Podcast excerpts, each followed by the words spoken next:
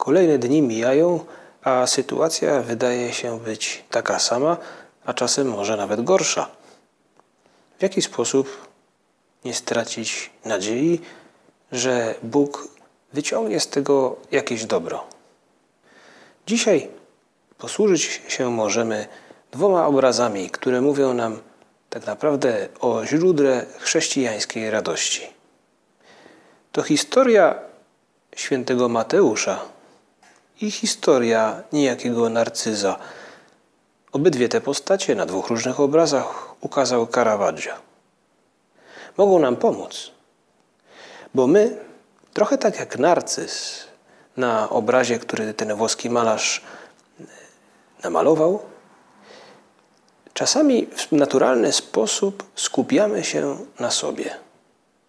Narcyz na obrazie Caravaggio to postać pochylona nad wodą, nad brudną, brunatną kałużą, w której przegląda się i ogląda swoje odbicie. Ale narcyz jest smutny. Nie dostrzega, że nad nim są drzewa, wspaniałe ptaki, niebo, po którym przesuwają się chmury, a w nocy pojawiają się gwiazdy. Narcyz skupiony jest na samym sobie. Powiedzmy sobie szczerze, taki jest trochę naturalny bieg rzeczy. My też skupiamy się na swoich sprawach, tym bardziej, kiedy jest nam źle. Moje sprawy często lądują w centrum wszechświata. Szczególnie teraz, gdy jesteśmy na kwarantannie albo gdy chorujemy. Straciłem smak, odzyskałem, mam mniejszą lub większą gorączkę, jest już dużo lepiej, jest dużo gorzej, co to będzie? Jak dostać się jak najszybciej na teleporadę do lekarza, albo jak dostać się szybko i zrobić sobie test? Bardzo łatwo w tych kwestiach, w tych tematach wejść na monotematyczne, ruchome piaski. Ruchome piaski, z których bardzo trudno się jest wydostać. Te ruchome piaski budzą w nas niepokój i smutek. Tak samo jak na obrazie Caravaggio o narcyzie, tak i w naszym życiu przyglądać się sobie budzi smutek. Bo poza mną nie ma świata. Jest inny obraz Caravaggio, na którym malarz ukazał powołanie świętego Mateusza. I to jest właśnie ten pozytywny argument dla nas, chrześcijan, w jaki sposób być człowiekiem radosnym. Mateusz, podobnie jak Narcyz, na tym obrazie jest smutny. Ale my znamy dalszy ciąg wydarzeń, które ten obraz przedstawia jakby na samym początku to chwila, gdy do komory celnej wchodzi Jezus Chrystus i wyciąga rękę ku Mateuszowi. On pochylony nad stołem jeszcze Chrystusa nie ujrzał i właśnie dlatego jest smutny. Posłuchajmy, jak sam Mateusz w swojej Ewangelii opisuje w krótkich słowach to wydarzenie, jak spotkanie z Chrystusem zamienia jego smutek w radość.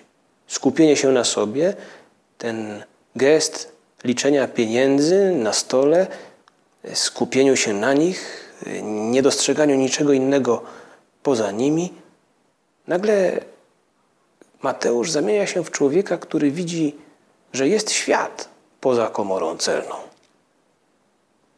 Jezus ujrzał człowieka siedzącego w komorze celnej imieniem Mateusz i rzekł do niego: Pójdź za mną. On wstał i poszedł za nim. Gdy Jezus siedział w domu za stołem, przyszło wielu celników i grzeszników i siedzieli wraz z Jezusem i jego uczniami. Widząc to, faryzeusze mówili do jego uczniów: Dlaczego wasz nauczyciel jada wspólnie z celnikami i grzesznikami? On, usłyszawszy to, rzekł: Nie potrzebują lekarza zdrowi, lecz ci, którzy się źle mają. Idźcie i starajcie się zrozumieć, co znaczy chcę raczej miłosierdzia niż ofiary, bo nie przyszedłem powołać sprawiedliwych, ale grzeszników tym opisie świętego Mateusza słowa Chrystusa są krótkie, zwięzłe. Wydarzenia dotyczące samego celnika to ułamek tego fragmentu. Chrystus pokazuje Mateuszowi, że jest świat poza komorą celną. Dzięki temu Mateusz podnosi głowę i zaprasza przyjaciół, by powiedzieć im: O, poznałem Chrystusa, poznałem nauczyciela, cieszę się także Waszą obecnością, już nie muszę się smucić, nie jestem sam.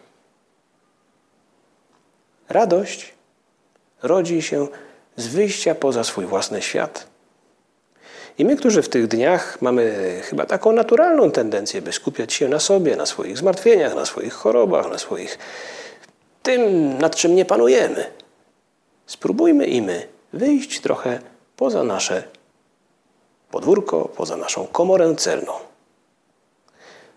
Radość zawsze ma korzenie w kształcie krzyża.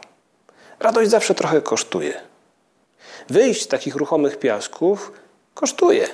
Trzeba się wysilić, trzeba z czymś zerwać, trzeba przestać o czymś myśleć, trzeba się przezwyciężyć. Ale warto otworzyć się na innych. Warto dostrzec, że jest coś poza tym, co mnie trapi, co mnie boli, co mnie przejmuje. Każdy może coś zrobić w tym kierunku. Pamiętam któregoś razu pewna pielęgniarka opowiadała mi z takim podziwem o jednym z chorych. Mówiła, ten człowiek nie jest w stanie się ruszyć, nie jest w stanie prawie że nic zrobić, ale za każdą rzecz, którą, w której mu pomagam, czy za każdy zabieg, który dla niego wykonuję, mówi mi dziękuję. To jedno słowo. Ten chory z pewnością cierpiał, z pewnością może nawet stracił jakąś nadzieję na to, że trwale i długotrwale wyzdrowieje. Ale wiedział, że ktoś o niego się troszczy i był za to wdzięczny. Ten człowiek potrafił się cieszyć, mimo tego, że cierpiał. Spróbujmy i my wyjść poza naszą komorę celną, zobaczyć coś więcej niż nasze własne odbicie w tej wodzie, tak jak robił to narcyz. Zobaczmy coś innego. Zobaczmy, że jest świat poza tą ciemną komórką. Tak zrobił Mateusz. Dajmy się trochę siebie innym. To paradoks. Zapominając o sobie, możemy być szczęśliwi, możemy być radośni. Możemy podziękować komuś za zakupy, które dla nas zrobił. Możemy komuś w domu zrobić herbatę. Możemy zadzwonić do kogoś, by kogoś pocieszyć, by chociaż albo posłuchać, chociaż jak się czuje, co u niego. Możemy okazać wdzięczność jakiejś pani, która w kombinezonie pobiera od nas testy. Możemy podziękować i być wdzięcznym kurierowi, który przywiózł paczkę, bo dotarła do nas właśnie jakaś długo oczekiwana książka bądź coś bardziej jeszcze potrzebnego. W tych sytuacjach, w tych osobach mamy szansę zobaczyć, że jest świat poza naszym własnym światem, naszym własnym odbiciem. Ten świat jest źródłem radości. Bo w tym świecie czeka na nas Chrystus. On nam siebie daje, ale także oczekuje, że my siebie damy Jemu i innym. Trzeba wyjrzeć poza swój świat, żeby zobaczyć, że Jezus cały, cały czas tam był i cały czas tam jest. Tylko my go nie dostrzegaliśmy, bo przytłoczył nas nasz własny świat. Skoro udało się to Mateuszowi, to czemu nie miałoby się udać także i nam? Spróbujmy, a znajdziemy chrześcijańską radość.